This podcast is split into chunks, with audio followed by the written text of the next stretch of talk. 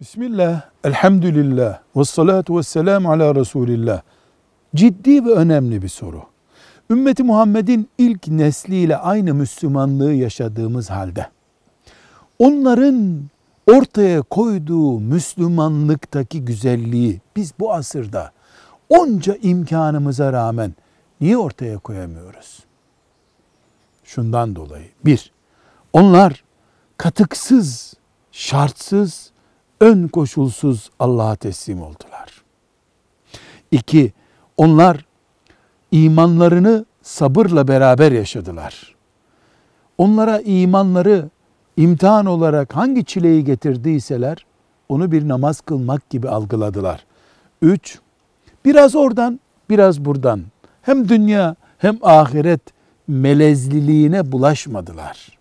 Yüzde yüz ahiret eksenli yaşadılar dinlerinin de, ömürlerinin de, mallarının da, ibadetlerinin de bereketini gördüler. Biz bu alanda biraz oradan biraz buradan yaptığımız için, çabuk çatlayan bir küpe döndüğümüz için, ön koşulluymuş gibi iman ve ibadete yanaştığımız için, aynı dinin aynı oranda bereketini göremiyoruz.